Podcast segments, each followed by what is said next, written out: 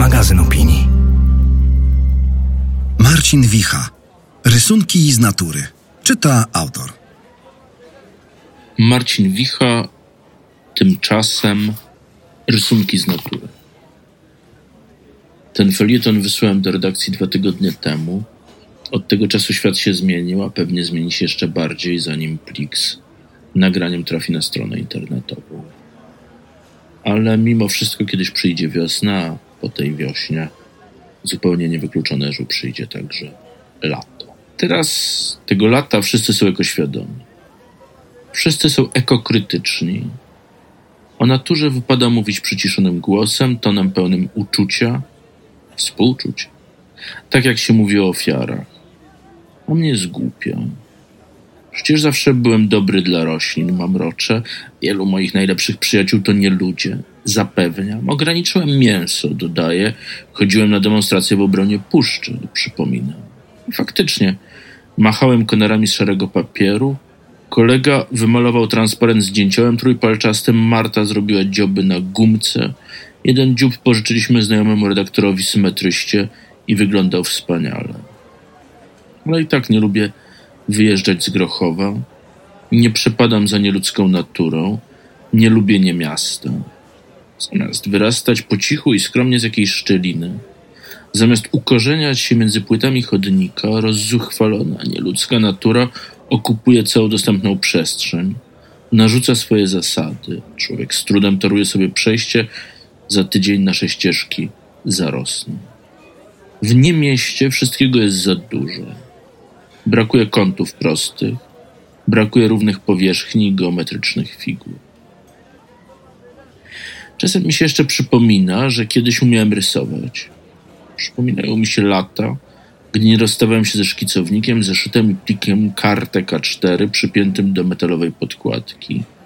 Gdy wlokłem za sobą cieknące kałamarze z tuszem, obsadki, cienkopisy, ołówki, a niekiedy nawet flaszkę z terpentyną, pudełko farb i turystyczną sztalugę.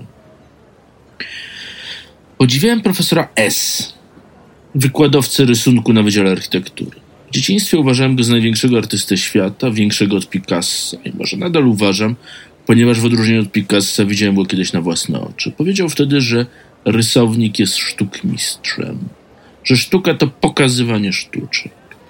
Rzeczywiście popisywał się bezwstydnie.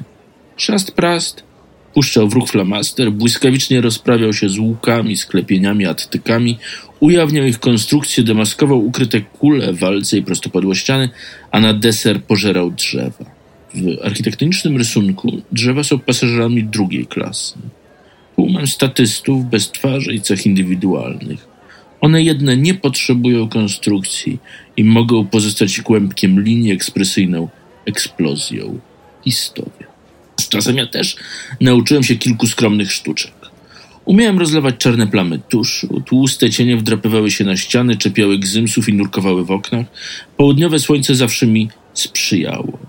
Potrafiłem wyciągnąć piórkiem jakiś szczegół pierwszego planu, co dawało przyjemny kontrast ze szkicowo potraktowanym tłem.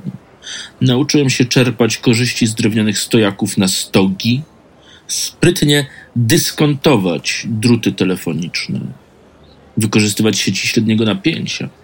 Linie napowietrzne są błogosławieństwem dla pejzażystów, bo prowadzą wzrok w stronę horyzontu, jak po sznurku.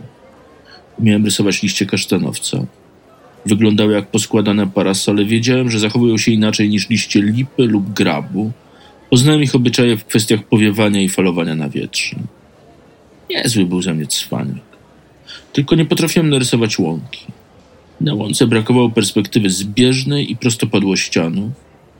Próbowałem dopaść każde źdźbło i każdy listek z osobna, chociaż wiedziałem, że to niemożliwe.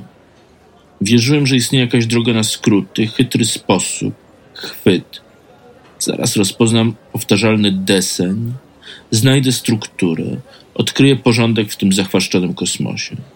Wierzyłem w to, zupełnie jak ludzie, którzy kupują w internecie magiczne gogle, a potem zakładają je na noc, żeby rano mówić w pięciu obcych językach.